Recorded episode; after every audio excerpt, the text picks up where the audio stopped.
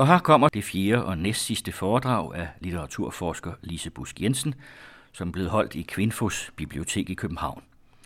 I de foregående programmer har vi hørt om husmor- og guvernantegenren, og nu er vi nået til emancipationsromanen, opgøret med kønssystemet, der har den frigjorte kvinde som heldinde. Den tredje variant af den kvindelige dannelsesroman kalder Lise Busk Jensen for emancipationsromanen. Der blev ikke skrevet så mange af de romaner. De krævede et ekstraordinært mod og en usædvanlig selvstændighed. Mathilde Fibiers roman Minona fra 1854 er omdrejningspunkt for dagens forelæsning heldinderne forkaster og forsøger at overskride kønssystemet, netop for fuldt og helt at kunne leve deres romantiske kvindeidentitet ud.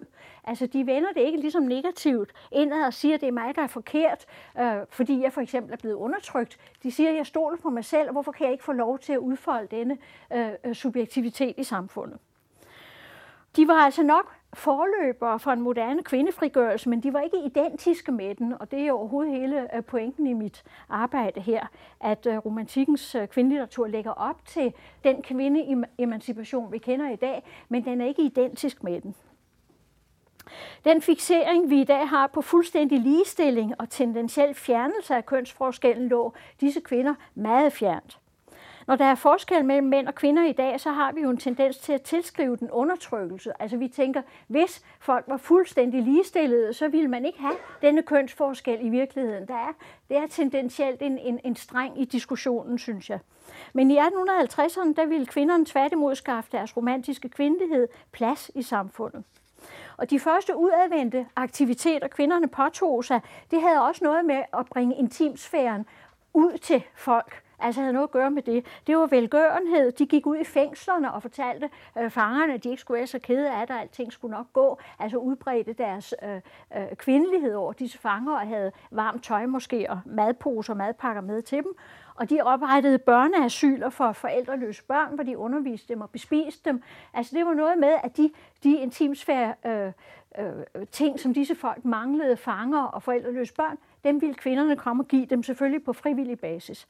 Og en hel række af tidens forfatterinder var involveret i dette frivillige arbejde. Herunder jo Ilja Fibiger, der øh, tog seks plejebørn til sig.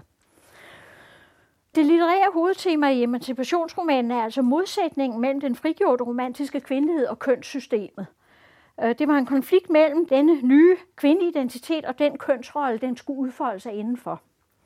Konflikten handlede ikke længere om moderskab og parforhold som i ægteskabsromanen, eller om selverhverv og social position som i guvernanteromanen.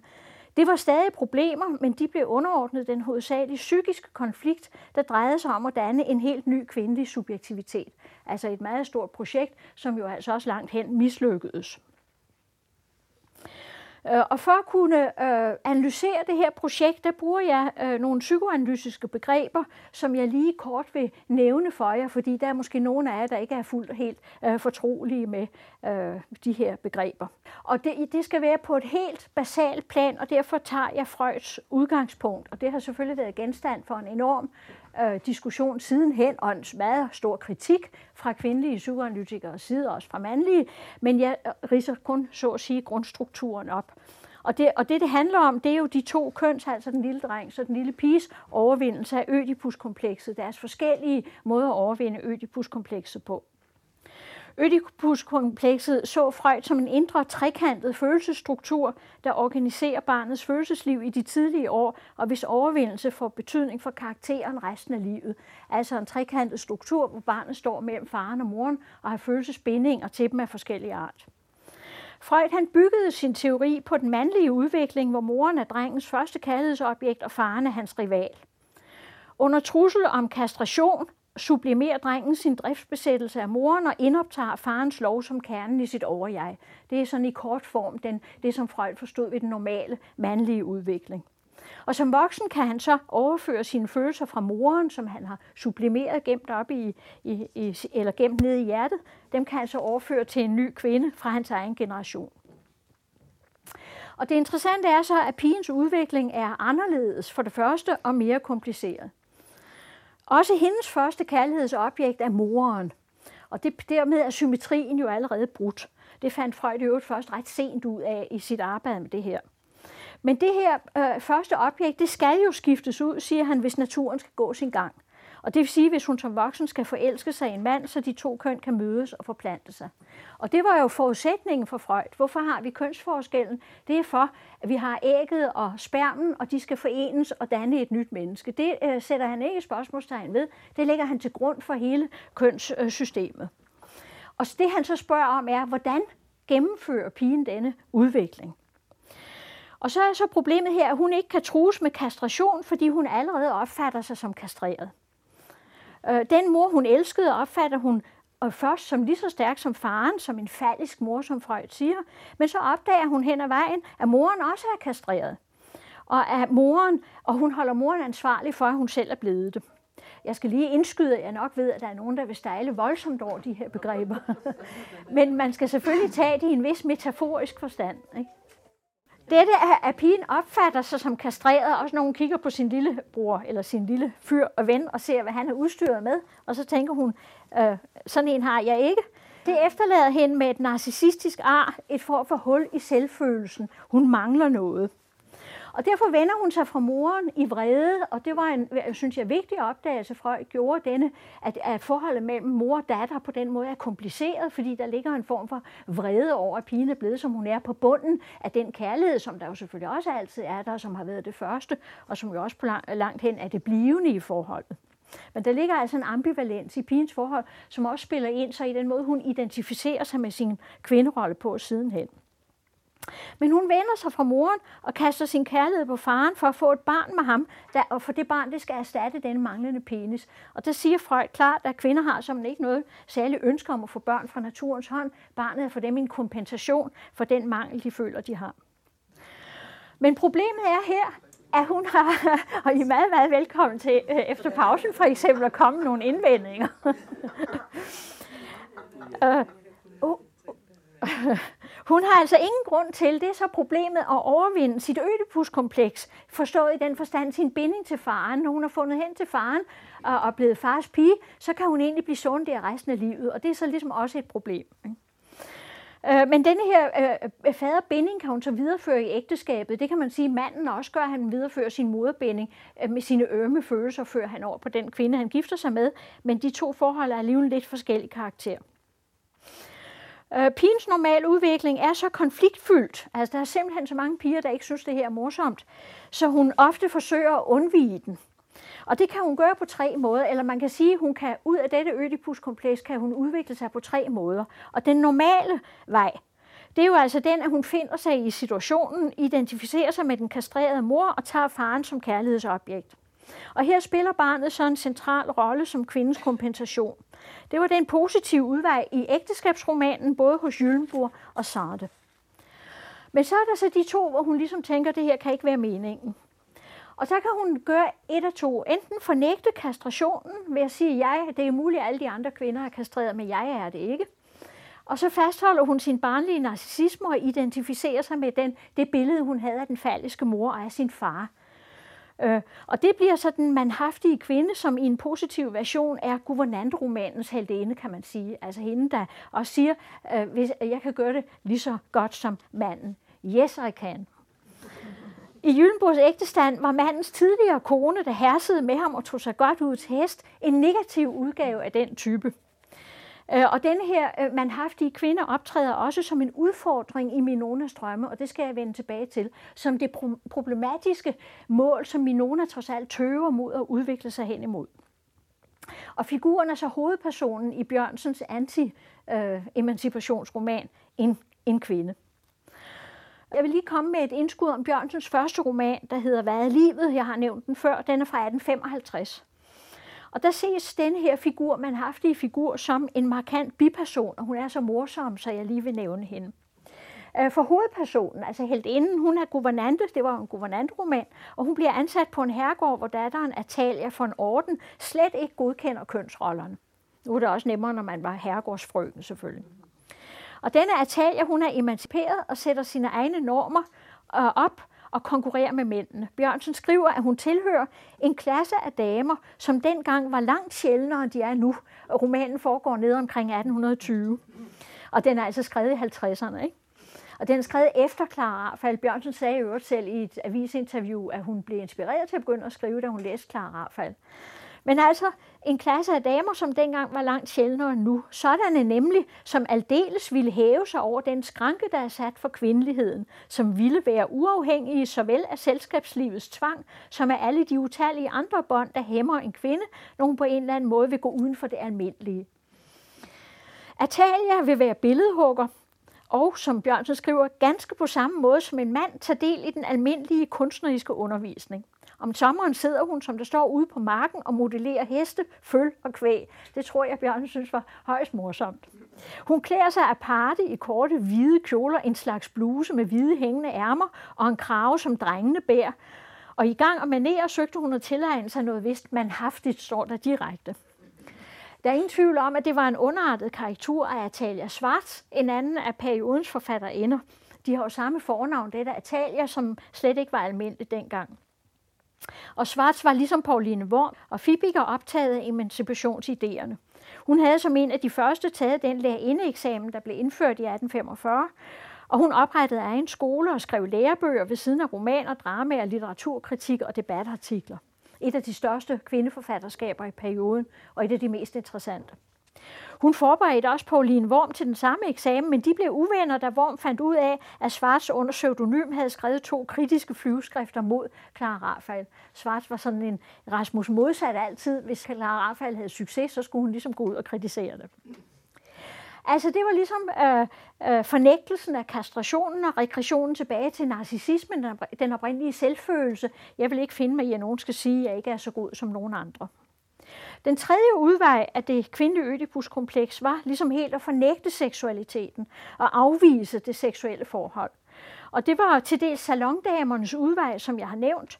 Øh, altså de udskød, øh, øh, når de skulle indtræde i seksuelle forhold til mænd, og sagde det her med, at sjæle har intet køn. De satte seksualiteten i parentes. Og det kunne, sagde Freud, føre til frigiditet, øh, det siger sig selv, eller hysteri, og salonkulturens preciositet er også blevet opfattet som en form for hysteri. Det bestod blandt andet i, at de opfandt et helt nyt sprog, hvor man udlod alle de, de kedelige og grimme ord, og kun havde smukke og fine ord og kaldte tingene øh, fint. Det var for eksempel, sagde man ikke bukser, men permissioner, øh, øh faldt man lige ind i gamle dage. Ikke? Det er et eksempel på en sådan præciøs sprogbrug, og dem havde de masser af. Og det er jo det, som øh, øh, Holberg gør nar af i barsestuen, hvor en af personerne har sådan nogle præciøse talemåder. Og det er jo det her med at fornægte seksualiteten overhovedet, det er jo for så vidt også den vej, Fibiger lader Clara Rafael slå ind på. Altså ved ligesom at sige, at hun skal leve platonisk med sin baron, så undgår man jo hele dette øh, kontroversielle spørgsmål. Og emancipationsromanen arbejder med alle disse udviklingsmuligheder, som vi skal se i Minona. Heldinden fordyber sig i sin kvindeidentitet gennem en regressiv bevægelse tilbage mod en narcissistisk position. Øh, og genren rummer på den måde vigtige sider af det romantiske univers. Øh, litterært blev denne, denne narcissisme ofte til en vision om et paradis før søndefaldet, med en voldsom spaltning mellem godt og ondt. Det er jo det karakteristiske, hvis man så at sige afviser problemerne, så danner man sig en utopi, hvor alt er godt, og alt det onde, det ligger udenfor et andet sted. Og det onde, det forsvinder altså helt ud af synsfeltet. Et berømt og i romantikken meget læst eksempel på det, som også inspirerede øh, både Sande og Mathilde Fibiger, det var Bernardin de Saint-Pierres roman Polly Virginie, som også blev års, tidligt oversat til dansk og opført i, i en dramatiseret version på det kongelige teater. Hvis jeg husker ret, var det det første stykke, øh, hos Andersen så, da han kom til København. Og den inspirerede Sandes Andiana i høj grad, og den ligger så også bag Fibikers Minona.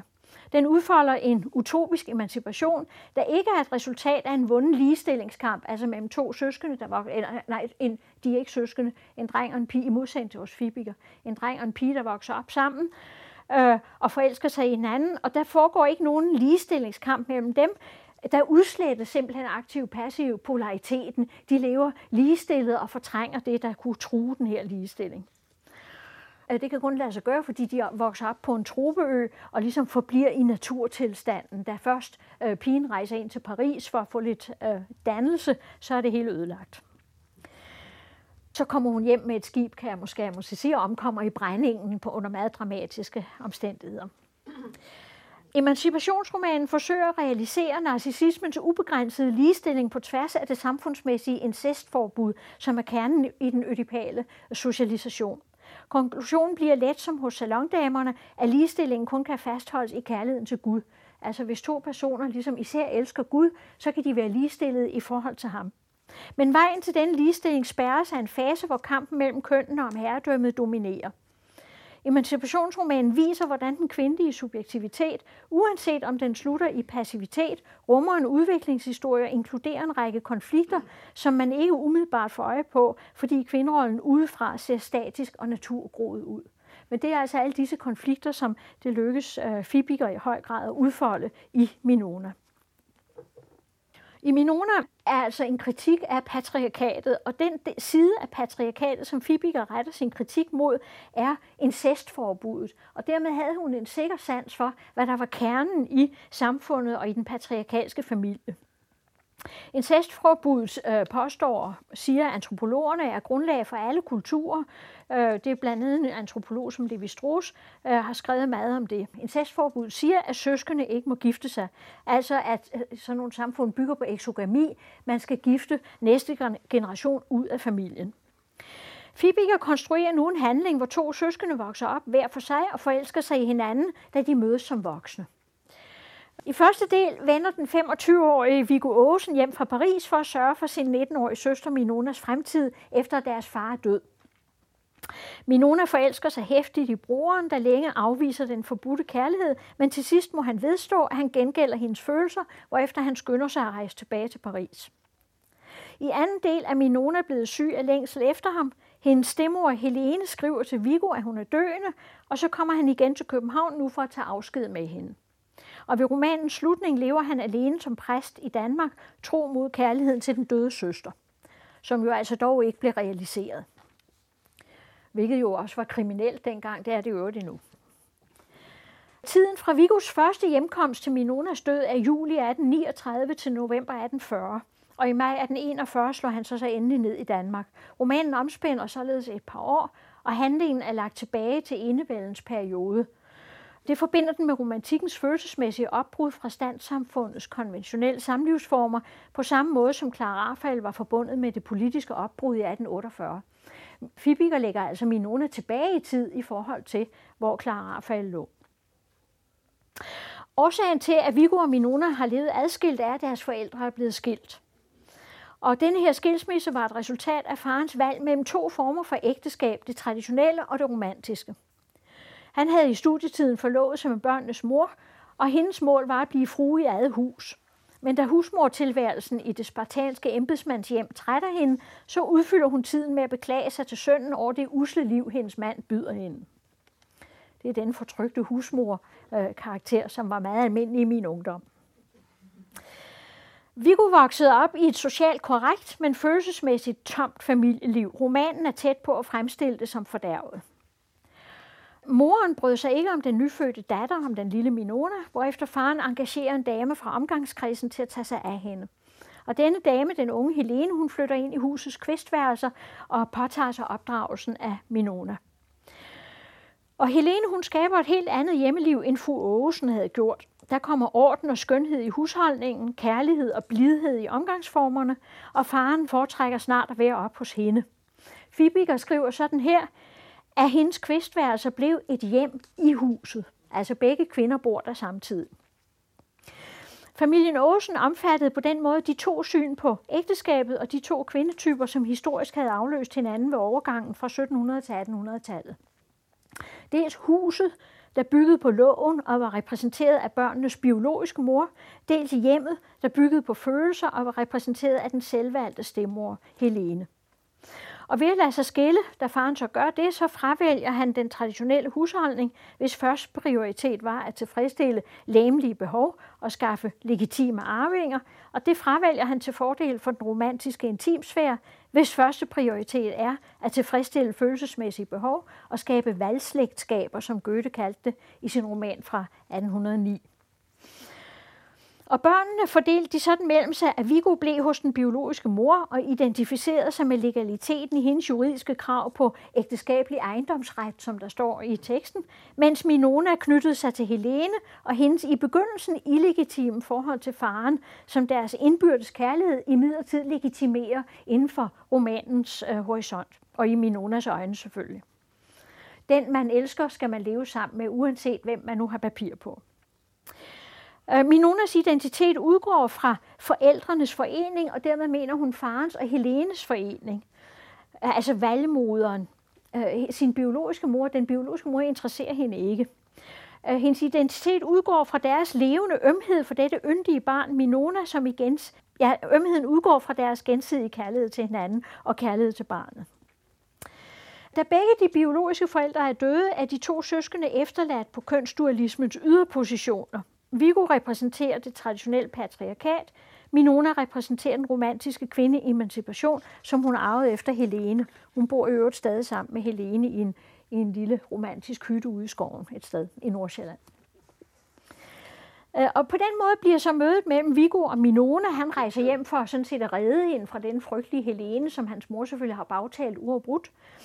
Øh, på den måde bliver mødet mellem Viggo og Minona et sammenstød mellem de to familieformer og deres kønsroller. Og Fibiger skriver det øh, klart sådan her. Hun havde kærligheden og entusiasmen på sin side, altså Minona. Han havde pligten og retfærdighedsfølelsen på sin. Viggo bebrejder faren, at han ikke rettede sine følelser mod sin lovformelige hustru, mens Minona bebrejder moren, at det ikke lykkedes hende at vække farens kærlighed og søndens forståelse for faren. I en central replik skitserer Minona kvindens opgave i det romantiske ægteskab. Jeg siger dig, Viggo, du ville have forstået ham gennem hende, og så ville han være kommet til at elske hende i dig. Og det er en beskrivelse af denne trekantede følelsesstruktur mellem far, mor og barn, som var kernen i den romantiske intimsfære. Kvinden skal formidle mellem far og søn, så sønnen forstår sin far, og faren elsker sønnen, fordi han ligner sin mor. Altså denne stadig cirkulære binding. Ikke? Og jeg kan lige indskyde, at i denne romantiske intimsfære, der var synet på barnet ganske anderledes, end det blev senere i århundredet, hvor jo det her med at sørge for øh, børnenes materielle behov, altså at de var øh, ro, renlighed og regelmæssighed, blev det absolut vigtigste. Ikke? Det interesserede slet ikke romantikkens kvinder særlig meget. Altså, der var mange børn, der døde, og, og hvor de ikke fik tænkt smadret over det. Altså, det var mere barnet som, som, som en symbolsfigur. De elskede selvfølgelig disse børn, men på en anden måde. Ikke som sådan en, en uh, ting, de havde, som de skulle i den grad passe på at videreføre, så det kunne leve videre. Ikke? Konfrontationen mellem de her to værdisæt tilspidses i Vigos og Minonas diskussion af kærlighedens væsen. Øh, Vigo følger den sædvanlige kristne dualisme mellem ånd og læme, og mener, at kærligheden mellem mand og kvinde er en anden end mellem Gud og menneske. Den første er læmelig, den anden, den sidste er åndelig. Han er også teolog, så det måtte han jo godt nok mene.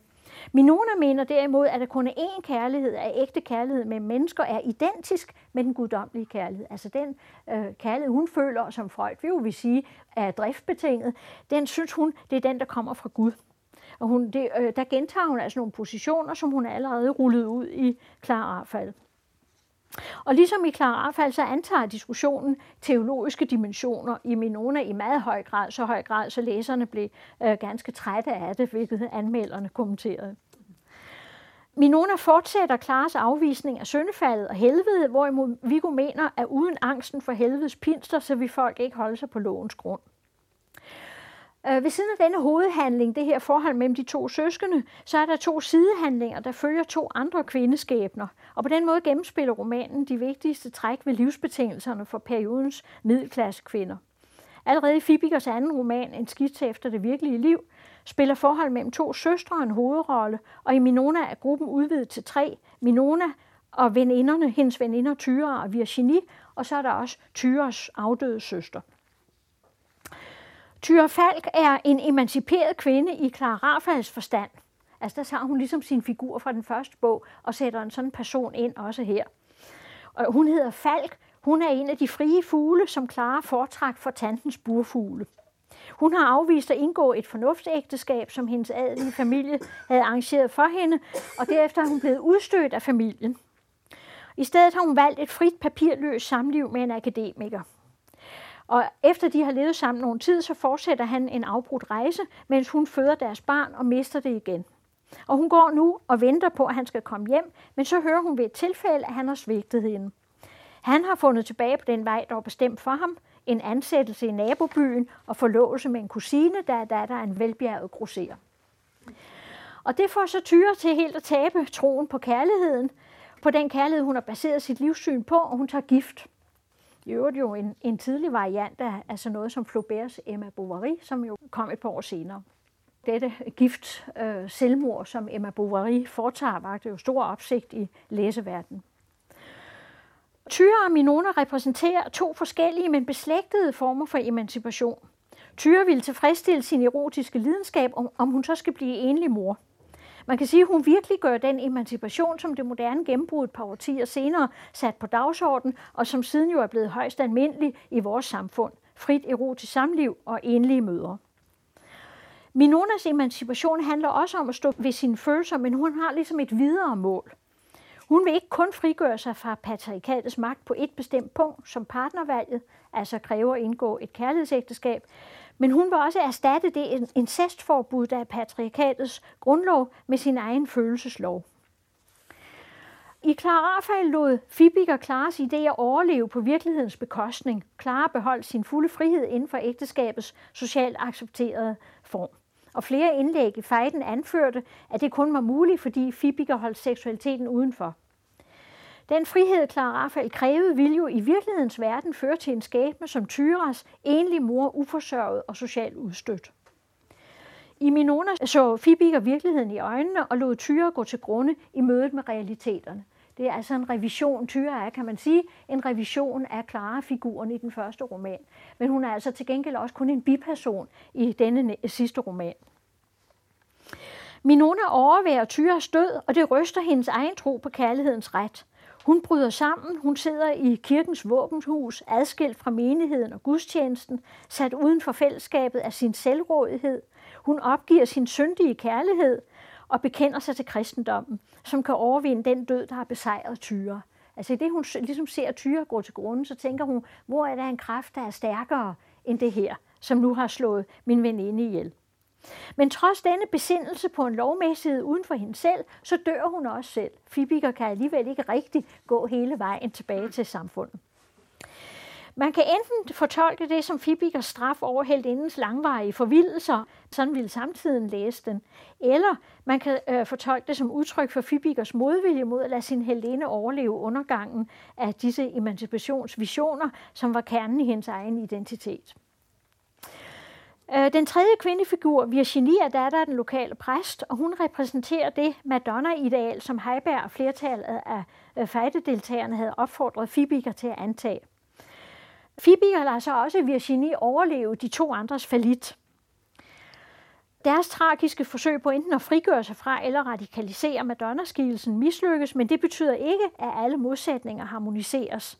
Viggo han overtager præstekaldet efter Virginis far, men han gifter sig ikke med hende, selvom det er, hvad hun håber på.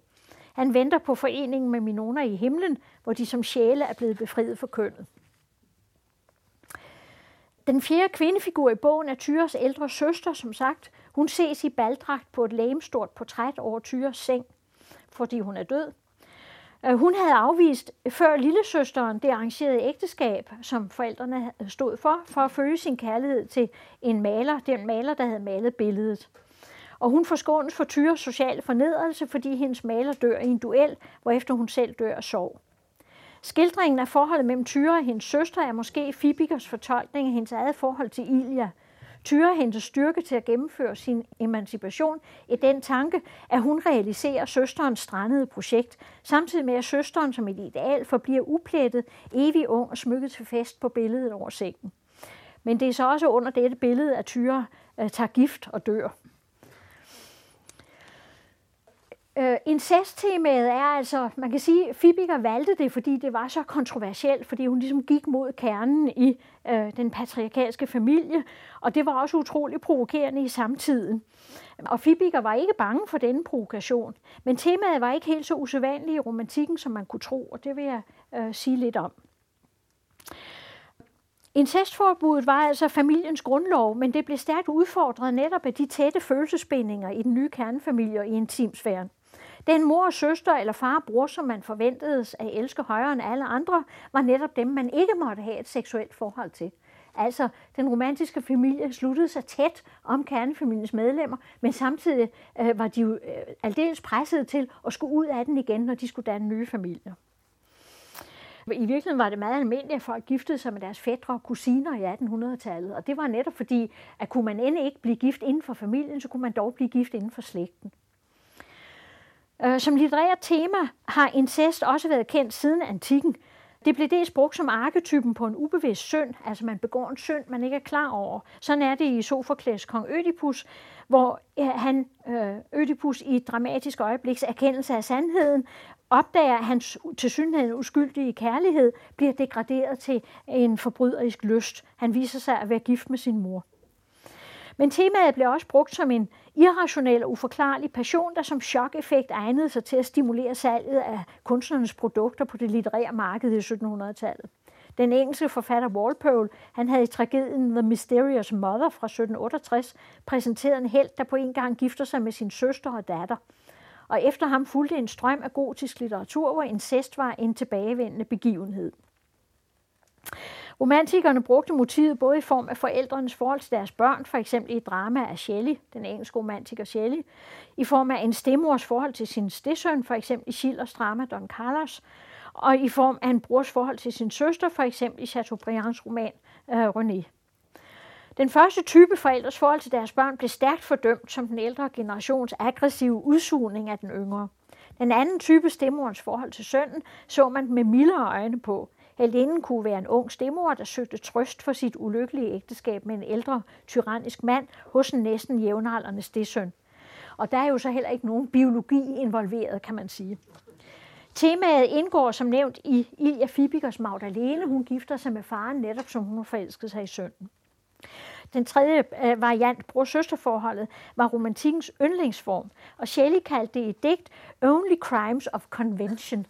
Altså det var ikke så at sige noget, de anerkendte egentlig som en forbrydelse. I Byrons Kain fra 1821 er Ada Kains tvillingesøster og elskede, og hun forsvarer sig imod Lucifers oplysninger om, at deres kærlighed vil blive fordømt af kommende slægter ved at sige, What is this sin which is not sin in itself? Can circumstance make it sin or virtue? If it does, we are the slaves. Altså, hvad er det for en synd, som ikke er en synd i sig selv? Hvis omstændighederne kan bestemme, hvad der er synd og dyd, så er vi jo slaver af omstændighederne. Samfundet tolererede selvfølgelig ikke søskendeincest, men mange romantikere anerkendte ikke forbuddet som en naturlov. De betragtede det som et forældet dogme. Byron elskede i øvrigt sin halvsøster Augusta, som han fik en datter med. Men affæren og en efterfølgende skilsmisse fordrev ham så også fra England. Derefter levede han for en tid i Schweiz som medlem af en anden frisindet menage, der bestod af Shelley, hustruen Mary, som var datter af Wollstonecraft og forfatter til Frankenstein, og hendes halvsøster Claire Clement, og der var også relationer lidt på kryds og tværs. Og Wordsworth boede størstedelen af sit liv sammen med søsteren Dorothy, som vennen Coleridge en årgang interesserede sig meget for. Men der var dog ikke noget øh, forbryderisk mellem Wordsworth og søsteren. Bortset fra, at han forhindrede hende i at skrive digte. Incest var også et udbredt motiv i dansk romantisk litteratur. I Ønslærs Aksel og Valborg er de elskende dåbsøskende, og Ingemann brugte øh, motivet søskende incest i et af sine første dramaer og i Løverideren fra 1816, hvor den ulykkelige held elsker sin søster, myrder hende og til overflod begge sine forældre. Søskendeincest var motiv i H.C. Andersens og Hartmanns opera Liden Kirsten fra 1846, der ligesom Ønslagers drama byggede på en folkevise. De unge forelsker sig for at vide, at de er søskende, og dernæst, at de alligevel ikke er det. Sådan var der mange af de tekster, der endte. De troede, der var en incest, men så viser sig, at det er det ikke alligevel. Eller de elsker hinanden, og så holder de sig på måtten, da de opdager, at der er incest. Henrik Hertz drama Ninon fra 1848 er et Ødipus-drama. Altså flere store tekster fra perioden op til, at Fibiger skrev øh, Minona, havde denne incest som tema. Og motivet spillede også en rolle i de kvindelige forfatteres diskussion af intimsfærens følelsesbindinger. Hanna Irkens for eksempel, en anden af de meget produktive, men meget lidt kendte forfatterinder fra 1820'erne, hun brugte det omtrent ligesom Andersen i novellen, i sin novelle Innocentia, øh, altså Irkens novelle, hvor de elskende tror, de er halvsøskende, fordi heldindens mor har hemmeligholdt en illegitim forbindelse. Og en lignende intrige ses i Jyllenburgs sproglæren og i Jøden. Det var imidlertid sjældent, at incesten virkelig blev realiseret i teksten, altså at hovedpersonerne virkelig krævede at få lov at realisere denne incest. Som regel fandt bror og søster ud af, at deres slægtskab ikke øh, var rigtig biologisk, eller at de som sagt afstod fra at realisere det. Derfor er Minona en mere radikal variant end de fleste. Det biologiske forhold mellem Viggo og Minona øh, er ubetvivleligt, og Minona kræver, at forhold skal realiseres på trods af forbuddet, fordi hendes følelser siger hende, at det er i orden. Kun Vigos bortrejse og hendes død bremser hende. Men altså, fordi hun så bliver død syg, og hun er døende, da han kommer hjem, så bliver det jo så ikke realiseret. Der er jo ingen grund til at tro, at incest uden for litteraturens verden var mere almindelig i romantikken end i tidligere perioder, så der er delt meninger om, hvorfor motivet blev så udbredt netop i den tidlige romantik. Nogle mener, at det er oven på det frivole 1700-tal, at der skulle stærke sager til for at gøre indtryk på læserne. Andre af incestforhold ikke havde vagt opsigt tidligere, fordi eksempler på incest i det højere selskabsliv var relativt almindeligt. Og i fyrstehusene giftede de sig jo øh, langt hen øh, inden for familien. Desuden står der jo i Bibelen, at hele menneskeheden nedstammer fra et blodskamsforhold mellem Adam og Evas børn. Og det er jo typisk Pauline Worm. Det var en ting, hun tog op i en artikel, og, og på enhver måde prøvede at skrive sig ud af, at det kunne ikke passe. Og øh, der var, øh, der var historier om, at der havde levet nogle kæmper på jorden tidligere, og det var i virkeligheden dem, som Adam og Evas børn havde forplantet sig med osv. Altså det der med, at vi alle sammen skulle øh, nedstamme fra et blodskampsforhold, det var ret svært at bære for sådan en som Pauline Worm. Øh, men i hvert fald incest blev først i romantikken genstand for stor offentlig forarvelse, fordi den ny intimsfære inderlighed faktisk gjorde den så nærliggende. Altså der kom dette spændingsforhold ind. Uh, incesttemaet er også blevet fortolket som det mandlige digterjegs kolonisering af, det, af kvindeligheden. Ved at elske sin søster, så kunne digteren inkludere det kvindelige i sin skrift. Det tror jeg jo er meget rigtigt, at det ser man både hos Chateaubriand og Wordsworth, hvordan de så at sige øh, først skriver en kvindelig figur op, og derefter øh, koloniserer den, altså fortæller alt, hvad denne kvinde tænker og mener, og derved får det som et yderligere felt at arbejde på som romantisk digter. Og jeg tror, at Fibiger blandt andet også har valgt den her figur, fordi hun ville vende den om, så det mandlige digterjegs kolonisering af det kvindelige bliver erstattet af den viljestærke Minonas forsøg på at smelte sammen med sin bror for at fordele i hans fysiske og sociale styrke. Stormløbet mod incesttabuet skulle ikke bare provokere læserne. Minona ville have sine følelser anerkendt af Vigo og af samfundet. Der står, hun skriver sådan her, hun kunne ikke i Guds ord, i filosofernes skrifter, i digternes fremstillinger af menneskelivet finde nogen som helst begrundelse for incesttabuet. Og hun hævdede Minona, at citat, verden lader sig regere af et dunkelt magtsprog, som ingen forstår, men som enhver underkaster sig af fejhed. Og det må man sige er jo højdepunktet af kvindelig selvfølelse over for et patriarkalt samfund, der ikke evner at legitimere sig. Den selvfølelse går så under, da Minona ser Tyre drikke gift og dø af giften.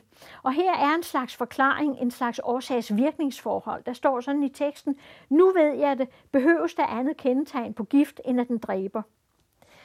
Øh, altså på den måde synes Minona ligesom, at hun har forstået, at de her idéer, hun har haft, er forkerte. For ligesom man kan sige, hvorfor er gift forkert, det ved jeg ikke, men jeg ser, at man dør, når man drikker den. På samme måde kan hun jo så ligesom se resultatet af sine idéer, når hun ser, hvordan de bliver mødt ude i samfundet. Um, man kan sige, at scenen minder her lidt om Jobs bog, hvor Job jo altså sidder længe på jorden og beklager sig over sin uretfærdige skæbne øh, til alle de her venner, der kommer og hører på ham, indtil Gud til sidst selv må ankomme i en stormsky og forklare ham, øh, at hans forståelse er simpelthen for begrænset. Og Gud argumenterer jo med, at han har skabt hele jorden, og derfor har han også skabt rammen om Jobs liv, og den kan Job jo ikke derfor sætte spørgsmålstegn ved. Og så peger Gud på alle de ting, han har skabt, især på krokodillen, meget sjovt i øvrigt, og spørger Job, kunne du måske have skabt det, kunne du måske have skabt det? Og da så Job har hørt længe nok på det, så tænker han, om det er så også rigtigt, det affinder han sig så med. Og jeg synes, at figuren minder lidt om, om Fibiger der. Uh, og Minona hun bukker under for samfundets lov og dør, men ved Vigus trofasthed og ved fortællerens holdning, så bevarer hun sin helt indestatus, så Fibiger ligesom også kan fastholde sin patriarkatskritik. Altså hun dør ligesom som en tragisk heldinde. På den ene side tager den alvidende fortæller parti for tekstens faderfigur, Pastor Frank, det er Virginis far, når han belærer Tyre om, at hun spilder sit liv ved at leve for idealet, som bag overfladen, som han siger, er hult og tomt, som ellefolket i de gamle viser. Og denne, denne elle-metafor kommer jeg tilbage til. Men på den anden side, så støtter fortælleren også Tyre som Minonas holdninger, når Tyres selvmord kaldes hendes sidste og første virkelige fald. Altså fortælleren, og det vil sige, Fibiger accepterer eh, selv ikke til det sidste punktum, at øh, Minona har gjort noget forkert. Først, øh, da hun tager sit liv til sidst, der øh, er der tale om et fald. I modsætning til Tyre udsættes Minona ikke for fortællerens direkte kritik, men teksten giver indirekte en forklaring på hendes nederlag. Inden Viggo møder Minona første gang, har han modtaget et brev fra hende, der forekommer ham præget af, som der står, en udfordrende selvtillid. Efter at have læst det, drømmer han, at han ligger på knæ foran, citat, en meget høj, imponerende, dejlig dame, der opfordrer ham til at tage hendes kærlighed med magt. I det samme forvandles hun til en fugl, der kredser over ham med citat ildfulde, funklende menneskeøjne, mens hun med en dæmonisk latter gentager sit citat, elsker du mig, så tag mig med magt. Hendes blik slår ned i hans sjæl og fortærer al dens livskraft. Øh, da øh, Viggo nærmer sig Minonas hus, stikker solen ham i øjnene, og senere bemærker han, at hun har været den aktive i deres forhold, han den passive. Han siger, jeg fulgte blindt, og følgen blev, at jeg forelskede mig i min søster. Den frigjorte kvindelighed fremstår her som farlig og kastrerende over for manden, med blændingen som en mulig Ødipus-reference. Og det er jo altså Fibiger selv, som fortæller, der sætter de her øh, passager ind. Når drømmekvinden beder om at blive taget med magt, så lammer hun mandens kraft. Tyre kritiseres for at leve for et ideal, der er hult og tomt som ellefolket, og Minona er i drømmekvindens skilse også forbundet med elverpige-motivet. I anden dels begyndelse kalder Viggo Minona for sin elverpige, og teksten refererer til Christian Winters hjertesorg, som er en gendækning af folkevisen Elverhøj.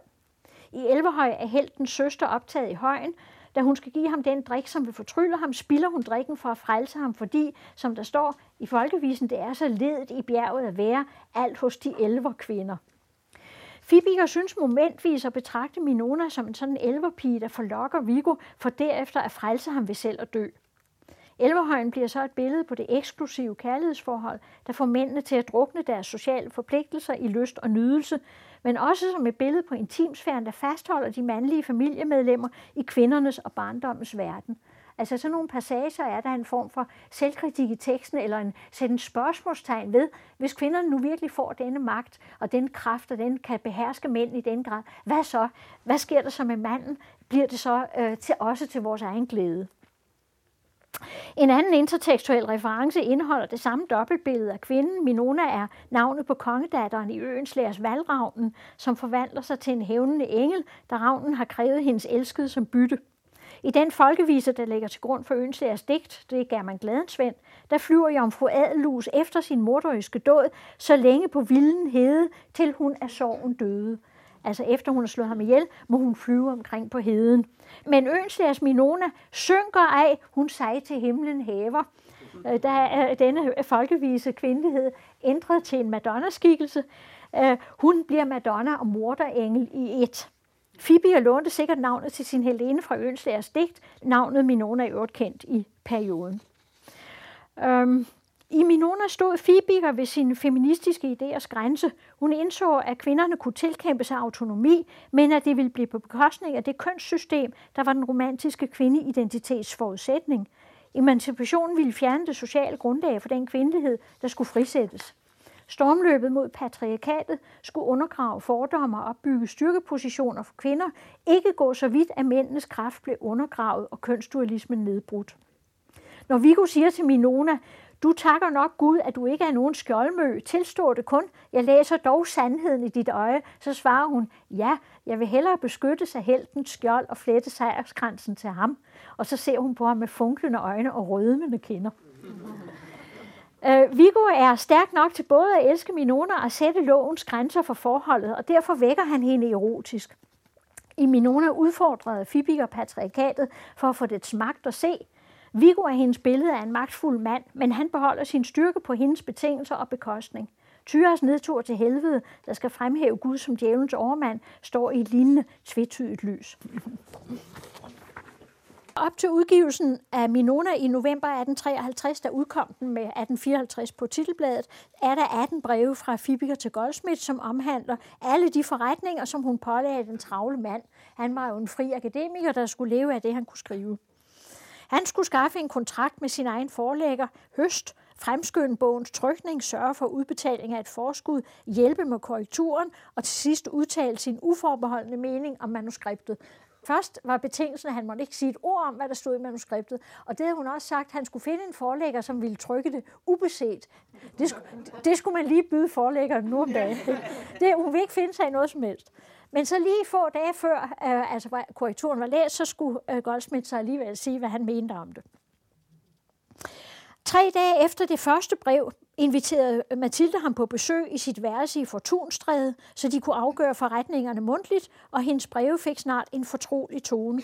Goldsmith var fraskilt, og Mathilde Fibikers tillidsfulde åbenhed inviterede ham til synlanden til en nærmere forbindelse. Men efter en måneds tid krævede situationen, at hun forklarede sig, fordi det ligesom ikke rigtig udviklede sig set fra hans synspunkt. Hun måtte forklare, hvorfor forholdet ikke kunne udvikle sig videre. Og denne forklaring, som hun nedskrev i et af brevene, er et væsentligt bidrag til forståelsen af forfatterskabets psykologiske baggrund. Øh, Fibiger beskrev sit væsen som en elverpige-natur, der forhindrede hende i at knytte sig til en mand. Hun fandt en vis naturløshed hos sig selv, som hun skriver, og den kalder hun også mangel på lidenskab. Hun skriver sådan her, der hvor jeg selv søger, og andre forudsætter grunden, hvor i mit hele væsen har råd, er der intet. Hun har stemninger nok, men ingen af dem bliver til følelser, som kan gennemtrænge mit hele væsen og samle det adsplittede med en stærk, men venlig hånd. Hun finder en inderlig ømhed og hengivenhed i sin sjæl, men hun er ikke lidenskabelig. Og så skriver hun, jeg trænger ikke til frihed, men til underkastelse. Goldsmith var desværre ikke den mand, der kunne magte hende, skriver hun, og hun tvivlede på, at en sådan mand overhovedet fandtes. Denne indgående selvanalyse udviklede Fibiger gennem arbejdet med Minona. Hendes formuleringer minder desuden om, hvad Georges Sande noterede om forholdet til digteren Mérimée, som hun havde et, en, jeg havde sagt, one night stand med, mens hun skrev på sin emancipationsroman Lilia. Hvis jeg havde kunne underkaste mig en mand, havde jeg været frelst til min frihed fortærer og dræber mig. Og det er jo, det er jo helt, i et brev skrev hun til St. Beuve, det er jo helt påfaldende øh, parallel formulering til Fibikers øh, sætning. Den elverpige-natur og hulhed, Fibiger tilskrev sig selv, er blevet forklaret på flere måder. Hun kaldte det jo altså selv en mangel på lidenskab, og det mente hendes niece Margrethe Fibiger også øh, øh i den biografi, hun skrev over Fibiger, glimrende biografi, hun skrev over Fibiger, som udkom i 1891. Niesen hævdede, at Fibiger savnede erotisk drift, og at denne goldhed i hendes natur, som hun skriver, denne absolute mangel på sanselighed, var årsag til, at hun aldrig blev en rigtig digter. Påstanden mener jeg dog skal vurderes på baggrund af, at Margrethe Fibikers eget kvindesyn, der indebar, som hun skriver, at kærlighedens opståen er kvindelivets hovedbegivenhed, og at kun erotiske erfaringer kan gøre en kvindes dækning interessant. Vil en kvinde være digter, så er der spørgsmålet, har hun elsket, skriver Margrethe Fibiger. En modsat teori går ud på, at Fibiger var lesbisk. Det tyder både Clara Rafaels platoniske forhold til ægtemanden på, og, i, og Klares udsagn i romanen om, at hun, som der står, snarere kunne forelske sig i en yndig ung pige end i en mand, eftersom der er så meget uskønt ved herrerne, der generer. Men der er ingen vidensbyrd i Mathilde Fibikers personlige liv, der peger i den retning. Så forklaringen skal snarere søges i en anden passage i Elverpigebrevet til Goldsmith, hvor hun skriver, at en stærk følelse for ham ville spalte hendes tilværelse i det, den ville stille hende mellem hendes søskende og ham. Sammen med Margrethe Fibikers bemærkning om, at der var noget barnligt i Mathildes væsen, så får man det indtryk, at Mathilde havde en selvudslættende binding til sin familie.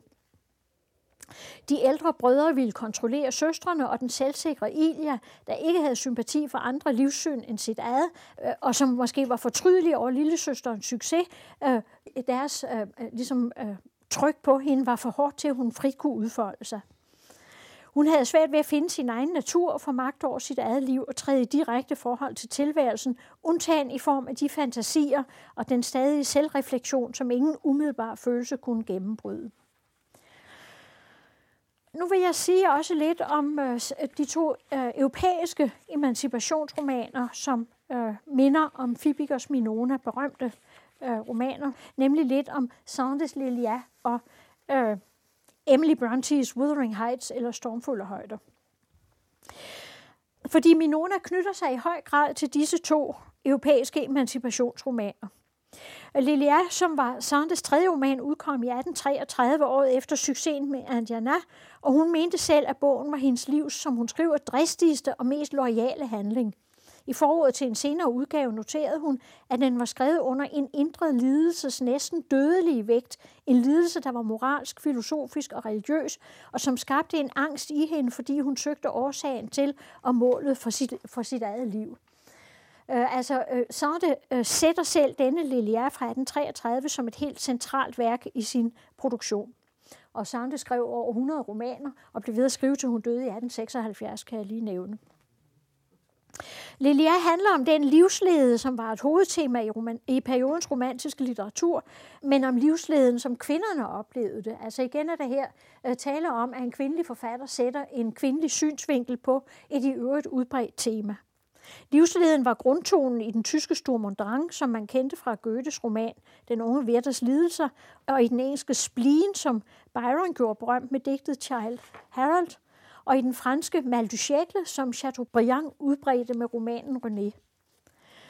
Grunden til, at livsleden greb romantikerne, var misforhold mellem de idéer om frihed og personlighedsudfoldelse, som den franske revolution og den økonomiske vækst skabte, og så det enkelte individs begrænsede muligheder for at virkeliggøre idéerne. Altså på en gang smed man jo øh, enevælde og øh, i et vist omfang også religion og alle mulige autoriteter bort, og tænkte, nu vil man selv. Og på den anden side var der jo altså disse samfundsmæssige rammer for, hvor meget den enkelte egentlig kunne tillade sig, og hvor langt den enkelte egentlig kunne komme. Lilia viser imidlertid, at den kvindelige livslede fortrinsvis udsprang af frustrationer fra forholdet mellem kønnene. Lily er en ung, smuk, begavet og velstillet kvinde, men hun er også desillusioneret og ulykkelig, fordi hun i samlivet med sin mand har tabt troen på kærligheden. Hun mener, at det er værsliggørelsen, der har ødelagt kærligheden, altså det vi kalder sekulariseringen også. Før hende tilbad man Gud og fik tilfredsstillet sine fysiske behov hos sin ægtefælle. Altså førhen var de to følelser adskilt. Men nu, hvor gudstroen er svækket, så forsøger menneskene at få tilfredsstillet både deres åndelige og deres sanselige begær hos deres samlivspartnere. Og det er så det, øh, øh Lilia har forsøgt, og som hun er blevet skuffet i. Det har indsat kærlighedsobjektet på de tidligere guders plads, men trangen til tilbedelse kan ikke tilfredsstilles ved samliv med et andet menneske, øh, resonerer Sande. Hun stiller her altså kritiske spørgsmål ved den romantiske intimsfære. De personer, Lily er omgivet af, har ikke fundet en løsning på det problem. Vennen Trinmor søger nogle absolute værdier eller en altopslugende passion at hengive sig til, men han bliver forfalden til spil, kommer i gæld, stjæler og dømmes til galejerne. Den hårde strafafsoning dræber hans negative passion, og han forlader galejerne som stoiker. Roen og lidenskabsløsheden bliver hans nye tro, men hans ubevægelighed gør Lilia trist. Kirken er repræsenteret af præsten Magnus, men han er forelsket i Lilia, og religionen har ikke hjulpet ham til at kanalisere sin drift mod åndelige interesser. Han kan ikke indgive Lilia en tro, da ingen magt har over ham selv. Naturvidenskaben kommer til ord gennem en læge, der mener, at Lilia blot skal lade naturen råde men det siger ikke et intelligensvæsen som hende ret meget. Hun foretrækker den unge digter Sten Jo, som skriver smukke vers, men hun vil ikke indlade sig på det kærlighedsforhold, han brændende ønsker, for så frygter hun, at der vil komme øh, kludret i aktiv-passiv systemet. Hendes problem hænger sammen med, at hun ikke kan tilpasse sig den passive rolle, som kvinden skulle indtage i parforholdet. Hun har fra barndommen en stærk kærligheds- og idealiseringstrang, og hun har en trang til at forgude sin ægte mand. Og det gjorde hun også med den første mand, hun havde, inden hun blev skilt. Der var den forskel mellem dem, at han nød kroppens glæder og håbede at dele dem med hende, men da hun ikke ville opgive sit aktive begær, så fastholdt hun det som en ren sjælelig lidenskab, der til gengæld paralyserede hendes sanser. Om natten, når hendes mand sov, tilfredsstillet og midt af sit begær, som der står, lå hun, som der står, kold og ubevægelig og målløs ved hans side. Han nød sine sanselige fornøjelser hos hende, men hun kunne ikke få sine ideale længsler tilfredsstillet hos ham, skønt hun gjorde ham til genstand for en grænseløs idealisering. Og her bliver Sandes filosofiske diskurs gennemsigtig, og nogle sjældent formulerede kvindelige problemer med orgasme, frigiditet osv. kommer til syne. Fortælleren taler om Lilias impotens, om hendes, som der står, syge krop, der er bleg og kold og død, ligesom de hvide marmorstatuer, der våger over gravene. Lilias modstykke er søsteren Pyseri, som er luksusprostitueret, men alligevel Sandes billede af en kvinde med en normal driftsstruktur. Pyseri har valgt at prostituere sig, fordi hun nyder sin seksualitet og ikke er generet af mandens dominans. Hun siger, at hver elskerinde, kurtisane og mor er tre betingelser ved den kvindelige skæbne, som ingen kvinde undgår, hvad enten hun sælger sig på prostitutionsmarkedet eller med en ægteskabskontrakt. Sande kaldte altså ægteskabet for slaveri og prostitution. Hun kritiserede mandens objektgørelse af kvinden, hans spaltede kvindesyn, der skiftevis idealiserede og demoniserede kvinden. Men hun viser også, hvor svært kvinden selv har ved at forstå og stå fast på sine egne behov og idéer, og kræve bedre uddannelse for kvinder og mere viden om kvindelig seksualitet. Øh, 15 år senere udkom øh, Emily Brontes øh, Stormfulde Højder, hvor også emancipationstemaet er centralt. Og det optræder i forholdet, den er der nok flere af jer, der kender, det optræder i forholdet mellem den første Cassie og Heathcliff. Der er to Cassie og mor og datter, og så er der denne Heathcliff, som er romanens problematiske figur. Øh, Stormfulde højder handler jo om to familier. Den, de ene bor oppe på højderne, og de andre lidt længere nede på en herregård. Og de to regner man med skal forenes øh, med en søn og en datter fra hver familie. Men det her mønster forstyrres, da husfaren i den ene familie bringer en fattig ham op på de stormfulde højder, bringer en fattig dreng med tilbage fra en rejse og, tager ind og antager ham som sit plejebarn.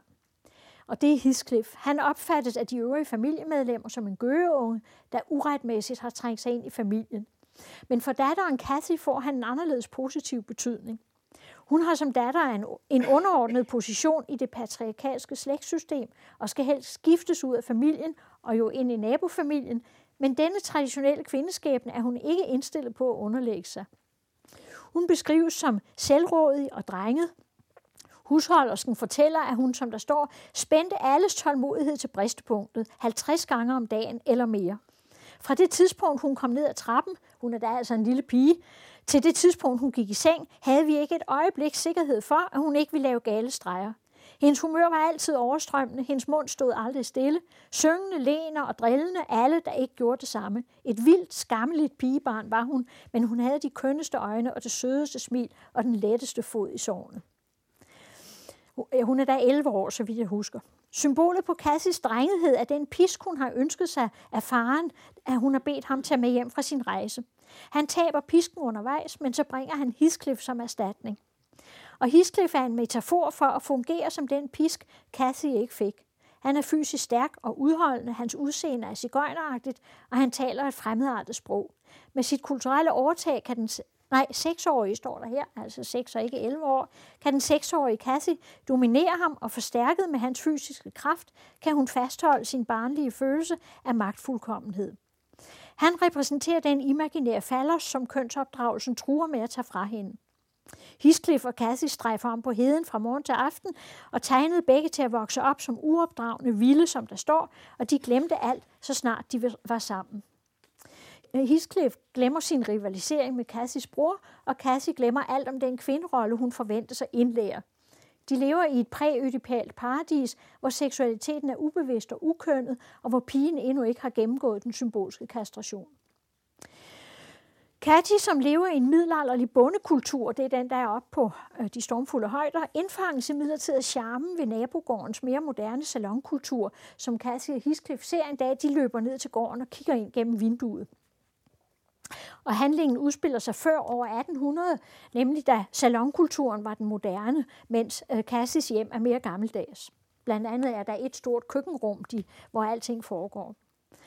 Efter nogle ugers ophold hos nabofamilien kommer Cassie hjem som en dame. Hendes ukønnede og androgyne barnlighed er borte. Hun stiger pyntet og friseret af en pony og må som en værdig ung dame løfte sin ridedragt med begge hænder for at kunne sejle ind i huset, som der står. Hun forlover sig med sønnen på nabogården og svigter Heathcliff, og samtidig affinder hun sig med kvinderollen. Øh, Cassie bilder sig selv ind, som familien har lært hende, at ægteskabet er en social kontrakt, som kønsrollen og slægtshistorien pålægger hende, og som intet har at gøre med hendes dybere følelser og egentlige identitet, der nemlig har Heathcliff som midtpunkt. Hun siger på et tidspunkt, han er mere mig selv, end jeg er. Hvad vores sjæle end er skabt af, så er hans og min den samme. Hvis alt andet gik til grunde, og han blev tilbage, så ville jeg dog stadig leve. Og hvis alt andet blev tilbage, og han blev udslettet, ville universet blive vældig fremmed. Jeg vil ikke længere føle mig som en del af det. Jeg er Heathcliff. Han er altid, altid i mit sind. Ikke som en glæde mere, end jeg altid er en glæde for mig selv, men som mit eget væsen. Denne her kærlighedserklæring, som Heathcliff supplerer mere kortfattet med ordene Kathy, åh mit hjertes elskede, åh mit liv, hører til verdenslitteraturens mest berømte. Men øh, Kathy tror, hun kan fastholde den kærlighed, som er alt for hende, samtidig med, at hun gifter sig med en anden, og det går jo ikke så godt. Romanen ender både tragisk, men også harmonisk.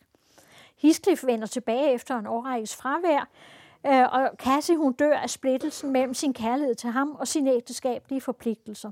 Derefter arbejder han på at hævne sig på alle dem, der rev dem fra hinanden, så han kan blive ejer af begge gårde og få så mange som muligt af dem slået ihjel. På næste generationsniveau forsones modsætningerne midlertid i det Cathys datter og hendes brors søn får hinanden, hvorefter de to gårde og slægter kan forenes, og det unge par kan forene middelalderens husmorkultur og 1700-tallets salonkultur i en intimsfære, hvor han planter de blomster, hun sætter ham til at plante, og de læser bøger sammen og sværmer i måneskinnet. Imens strejfer Cathy og Heathcliff rundt på heden som øh, spøgelser og symboler på den jordiske kærligheds styrke og øh, han dør sorg over, tager over tabet af hende i Heathcliff, og det sidste han siger er, at de skal begrave ham øh, og slå hul ind til hendes kister og begrave ham tæt ved, så deres kinder kan smelte sammen. Det er meget dramatisk. Det her er jo altså især øh, Emily Bronte's er jo i, i den grad bidrag til verdenslitteraturen, men der er også eksempler på danske, andre danske emancipationsromaner inden Minona, nemlig Bjørnsens og Thorsens. Magdalene Thorsens Min bedstemors fortælling, eller De to aftener, er fra 1867, og øh, den handler om bedstemors dramatiske ungdomskærlighed, og den har også elementer af denne emancipationsroman i sig.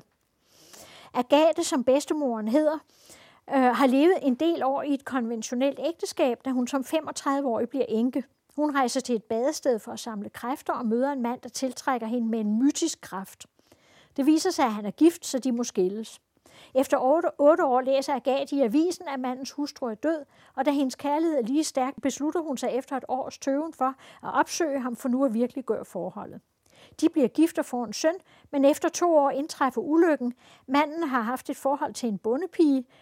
Hun opsøger Agathe og overlader hende deres uægte søn og forårsager derefter manden så sin egen død. Fortællingen er, som de fleste af Thorsens historier, præget af stærkt sanseligt erotiske momenter – Agathe tænker for eksempel sådan her. Hvad var det for en mægtig naturdrift, som var vågnet i mit væsen? Var ikke på en gang alle mine evner og sanser sat i dens tjeneste? Alt godt strømmede så rigeligt ud af hans væsen og gød sig over mig som en varm kilde. Jeg følte mig som i et himmelsk bad med tusindfold velugt og beruselse. Det var ikke erotikken selv, som forarvede læserne, men det, at den udgik som en aktiv kraft fra en kvinde og blev formuleret direkte som kvindeligt begær. Og det er også det, jeg nu vil se på, som er interessant i den tekst. Agathe bruger magtsprog i omtalen af sin kærlighed. Hun skriver, eller der står i teksten, jeg følte i denne stund min ubestridelige ret til ham. Jeg ville vise ham min fordring. Dermed havde Thorsen vendt aktiv-passiv forholdet mellem mand og kvinde om. I 1860'erne havde vi en meget kendt og indflydelsesrig kritiker, der hed Clemens Petersen. Han øh, måtte desværre øh, stikke af til USA, da han øh, blev grebet i et homoseksuelt forhold. Men han skrev i sin anmeldelse af den her tekst, at en mand, der på den måde betages af elskov, kan være skøn, fordi mandens hele væsen er atro, begæring og vilje. Men en kvinde, hvis hele væsen er hengivelse, og som derfor ikke kan røre sig af pletten, uden først at være forlangt, bliver i det tilfælde, at hun selv forlanger, hæslig, og kan kun behandles af kunsten på den betingelse, at hun gøres komisk. Altså det, det, det er et, godt, et, et, et af de bedste eksempler, tydeligste eksempler, synes jeg på, at når denne omvending af aktiv-passiv positionen sker, når kvinden ligesom selv siger, jeg vil elske dig, jeg vil have dig, så bliver mændene simpelthen, det synes de var et brud med alt. Øh, I Norge havde Thorsen selv levet i en årrække som præstekone, og der blev fortællingen mødt af et vredt anonymt indlæg, en kvindeprotest mod fru Magdalene Thorsens sidste produkt, hvor der stod, at fortællingen har krænket kvindelighedens idé, og er noget i sin tendens mere umoralsk produkt, har vel heller ikke set dagens lys i vores litteratur. Det skrev denne norske dame. Johan Louise Heiberg derimod, som kendte Thorsen vældig godt, de har, der er en stor korrespondence også mellem dem. Hun blev rørt over historien, hun skrev til Thorsen. Deres varme hjerte, deres brændende fantasi, deres kække anskuelser talte til mig gennem hver linje. Men hun bemærkede også, at verden tåler ikke så meget en oprigtighed. Det interessante er nu her, at 10 år senere udsendte Thorsen en revideret version, hvor bedstemorens historie er betydeligt forlænget, og de erotiske passager ikke er svækket, men det er de aktive komponenter. De er ligesom taget ud af fortællingen, og det skal jeg give nogle eksempler på. De aktive komponenter i Agates væsen. I passagerne, hvor parret mødes igen, der står der, ak, hvor jeg elskede ham i den første version, og det er ændret til, ak, hvor mit hjerte bankede i den næste. Der står også, jeg følte i denne stund min ubestridelige ret til ham, og det er ændret til, jeg følte en dyb og hellig glæde. Og der står også, jeg lagde mig trygt op til hans bryst, og det ændrede til, der åbnede han sin favn. Og det synes jeg er særdeles interessant, jo ligesom at se, hvordan hun meget nøje ved i sprogbrugen, hvordan hun altså skal omskrive det, for at det ikke støder samtidens læsere. Ikke? Og der er andre eksempler end det her, men det her er, så vidt jeg husker, de tydeligste. Øh, manden har i frier-situationen også fået den aktive rolle tilbage, og Agates aktivitet er forskudt fra det erotiske til det etiske. Hun holder ham på rette vej, og herunder lader hun ham være fri, således at han kan sige, min skal du være, min elskede hustru. Og dermed var kernen i kønsrollesystemet restaureret. Denne her revision var ikke kun et udtryk for, at Thorsen havde taget kritikken til efterretning. Hun havde selv en tvetydig holdning til forholdet mellem aktivitet og kvindelighed. På den ene side skrev hun om Agathe til Mathilde Reinhardt, som var en anden af hendes veninder. Det er i kraft af den højeste kvindelighed, at hun selv tager manden. På den anden side skrev hun til Johan Louise Heiberg, Ak, hvad er det dog for en rovfugl natur i mig? Hvorledes har jeg ikke med gråde higen slået ned over alt, modent og umodent. Øjeblikkets hunger var for stærkt til at levne noget. Hensynet var et græsstrå under løvens fod, længsel som en ildslue i en savanne. Jeg tror, hun taler om mænd her, men jeg ved det ikke med sikkerhed. I øvrigt var, er, handler min bedstemors historie om hendes forhold til Bjørnson. For da hendes mand døde, hun var gift, øh, øh, tog op til Norge som guvernante for en provst og stortingsmand, som havde fire børn, hvor den ene i øvrigt blev gift med Ibsen. Hun kendte både Ibsen og Bjørnson. Så blev hun gift med ham, og de fik også fire børn. Da hendes, hendes mand døde, håbede hun, at hun kunne blive gift med Bjørnson, men han skyndte sig at gifte sig med øh, den kone, der blev hans. Karoline. Formentlig netop, fordi han ville undgå, at hun kunne gøre sig den slags tanker. Øh, det moderne gennembrudsmænd, der jo ellers lagde så meget en velvillig interesse for kvindefrigørelsen for dagen, så mere entydigt på sagen end Thorsen selv. De følte sig chokeret og frastødt over dette portræt af en erotisk aktiv og krævende kvinde. Brandes havde rost fortællingen, da han læste den først, men han skiftede mening, da Thorsen vendte sin aktive eros mod ham selv.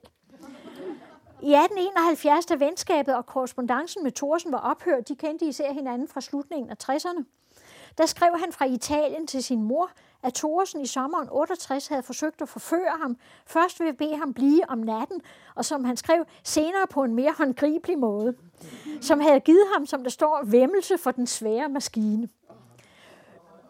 Ydermere havde han hørt, at hun på sin store udlandsrejse i 1855 havde været ledsaget af en elsker, nemlig en læge, der hed Danielsen, og det fik Brandes til med afsky at kalde hende en mær. Når man nu tænker på, hvor meget han selv havde gang i, så er det lige ret, relativt påfaldende. Thorsen havde i øvrigt et tvetydigt forhold til kvindesagen. Da hun fyldte 70 i 1899, ville Dansk Kvindesamfund fejre hende, men det frabad hun sig. Hun skal have sagt, og det er en, der hedder Nikolaj Bø, der har skrevet et stort upubliceret manuskript om hende, hvor han fortæller forskellige ting, han har snakket med hende om. Og hun sagde til Nikolaj Bø, det skriver han i hvert fald, det må jeg frabede mig, og det er kvinden i mig, der ikke vil have det, for helt ud af jeg kvinde, og det er min største styrke. Jeg kunne allermindst ønske at blive særskilt fætteret af dansk kvindesamfund, som jeg hører, man har påtænkt. Der hører jeg ikke hjemme. Det sender mig stadig sit tidsskrift, og jeg læser i det, men siger til mig selv, hvad er dog det for noget? Det er min natur aldeles fremmed. Kvinde, vær stolt, til din triumfvogn er bygget af mandens forstand. Det er jo som at høre Ilja Fibiger, der talte om øh, sin kvindestolthed. I øvrigt blev hun fejret af Dansk Kvindesamfund 10 år senere, da hun fyldte 80, og det fandt hun sig så i. De, de holdt en stor fest ude på Emitageslottet, slottet og det, alle talerne er refereret i bladet Kvinden og Samfundet. Øh, Thorsen interesserede sig, ligesom Fibiger for så vidt, ikke så meget for den ydre emancipation, der frigjorde kvinderne ved at ligestille dem socialt med mændene da festen altså alligevel blev afholdt 10 år senere, så understregede hun i sin tale, at kvindesagen for hende handlede om kvindens personlige forhold til manden, altså det psykiske i forhold til manden, og at løsningen måtte begynde indefra. Hendes skrift var tæt forbundet med hendes erotiske begær efter det andet køn, men erfaringen havde lært hende, at dette aktive kvindelige begær kun kan udfoldes, hvis kvinden kan genskabe sit eget begær i manden. Hun skriver sådan her, forfatterinder kan kun frembringe ud af Eros, ellers er der ingen mening i deres produktion, men de frembringer der altid på anden hånd manden af deres forudsætning. Og hun har som sagt meget stort øh, og succesfuldt forfatterskab bag sig.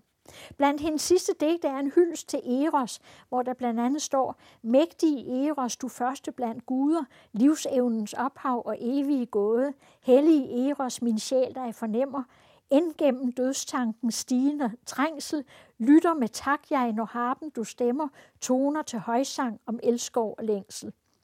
Og til det sidste havde hun håbet at få magt til at skrive en bog om Eros, fortalte hun øh, Bø. Dansk Kvindesamfund var jo blevet stiftet i 1871, og der meldte både Pauline Worm og Mathilde Fibiger sig ind. Den kritiske modtagelse, som Minona havde fået, havde i øvrigt stanset Fibigers forfatterskab. Øh, hun skrev sådan en enkelt øh, litteraturanmeldelse og så nogle artikler i det svenske tidsskrift for hjemmet, som Frederik Beyer, som var med til at stifte Dansk Kvindesamfund, han opsøgte hende og bad hende også, inden de stiftede Kvindesamfundet, om at skrive i tidsskrift for hjemmet. Tidsskrift for hjemmet hedder det. Ellers fortsatte hun som guvernante, selvom familierne var betænkelige ved at engagere en så berygtet kvinde til at undervise deres børn. Og blandt andet var hun guvernante hos en præst i Ølgod, og da børnene ikke, da de ikke længere skulle bruge hende, så slog hun sig et år ned i Ølgod, hvor hun levede som syrske. Og øh, for et par år siden inviterede de mig over til Ølgod for at holde foredrag om Fibiger. Det var faktisk morsomt. Jeg slog op i de gamle matrikler og opdagede, at biblioteket var bygget nøjagtigt oven på den murmesters hus, hvor hun lavede værelse. Ja, I 1856 fik hun tilkendt en årlig understøttelse på 80 ristaler af enkedronning Karoline Amalie, formentlig ved Grundvis eller hos Andersens mellemkomst, og med den førte hun egen husholdning som oversætter og syrske. Hun malede også porcelæn, ligesom søsteren Ilja. Forfatteren Tager Johansen, som også var med til at stifte Dansk Kvindesamfund, en af de fire kvinder, fortalte, at hendes brødre engang til jul fik hver et silkelommetørklæde, der var sømmet af Mathilde Fibiger. Og så skriver Tager Johansen, de var for unge til at sætte pris på syrsken, men på mig gjorde den kendskærning, at hun, den skønne, begavede og fætterede unge pige, sømmede lommetørklæder for penge. Det gjorde et underligt, vemodigt indtryk. Det forekom mig næsten som et eventyr, som prinsessen uden for det lukkede kongerige. Fibiger i oversatte i øvrigt fem bind med Auerbachs landsbyfortællinger og to bind med Hoffmanns eventyr, og skrev et forord om Hoffmann til det andet bind i 1858. I den sammenhæng underskrev hun sig stadig forfatterinden til Clara Rafael. I 1860'erne hjalp øh, Fenger, der var borgmester i København, hende til at lære at telegrafere, og så blev hun i 1866 den første kvindelige tjenestemand. Også der var hun altså først på feltet. Og netop det med at telegrafere, telefonist ind og så videre, det blev de store nye erhverv for kvinder fra midten af 60'erne og frem efter. En tid var hun stationsbestyrer på Lolland i Nysted, hvor hun havde skrevet Clara Rafael 15 år før. Og det sidste, hun skrev, var altså tre artikler i det svenske tidsskrift, tidsskrift for Hemmet. Og den ene af dem handler om Leonor Christines jammersminde, som der netop var blevet fundet og udgivet. Øh, og en anden har titlen Den ensoms hjem. Og hovedtanken i den var, at kvinder må forme deres egen tilværelse uden for familien, dels fordi mange kvinder ikke ved ægteskab får en egen familie, men også fordi nogle kvinder ikke kan udvikle deres personlighed i familien. Hun skriver sådan her, kan en personlighed kun fra sit eget standpunkt se livet i det rette lys, så kan den også kun fra dette ses i sin ejendomlighed og blive for andre, hvad det af naturen er den givet at være. Og det er et forsøg på at formulere altså den kvindelige individualitet, dens opståen, at hun har sin, sin egen subjektivitet, og hun har også sit eget, sit eget hjem omkring sig. Hun kan etablere sin egen intimsfære. Betingelsen for denne ensomhed, for at man kan have et ensomt hjem, det er, som hun skriver, selvstændighed i den indre verden og arbejde i den ydre. Mens flertallet af periodens feminister beklagede sig over de økonomiske problemer med at føre en selvstændig husholdning, der lagde Fibiger vægt på den psykiske evne til at opfatte boligen som et hjem, selvom der hverken var mand eller børn eller andre familiemedlemmer. Den særlige identitet, som den romantiske intimsfære i generationer havde givet kvinderne, tilskyndede hun dem til at bevare ved stadig at opfatte deres hjem som en intimsfære, også selvom de boede alene og måske på et ladeværelse. På den måde pegede hun en vis forstand frem mod den næste generation store feministiske forfatter Virginia Woolf og hendes bog Adeværelse, som Elsa Græs oversat til dansk i 1973. Og Elsa Græs var jo også en af vores feministisk øh, interesserede forfattere. Og næste gang skal vi så skal jeg prøve at følge denne udvikling øh, af den kvindelige dannelsesroman frem til i dag, med særlig fokus på Helle Helles og Kirsten Thorups forfatterskaber.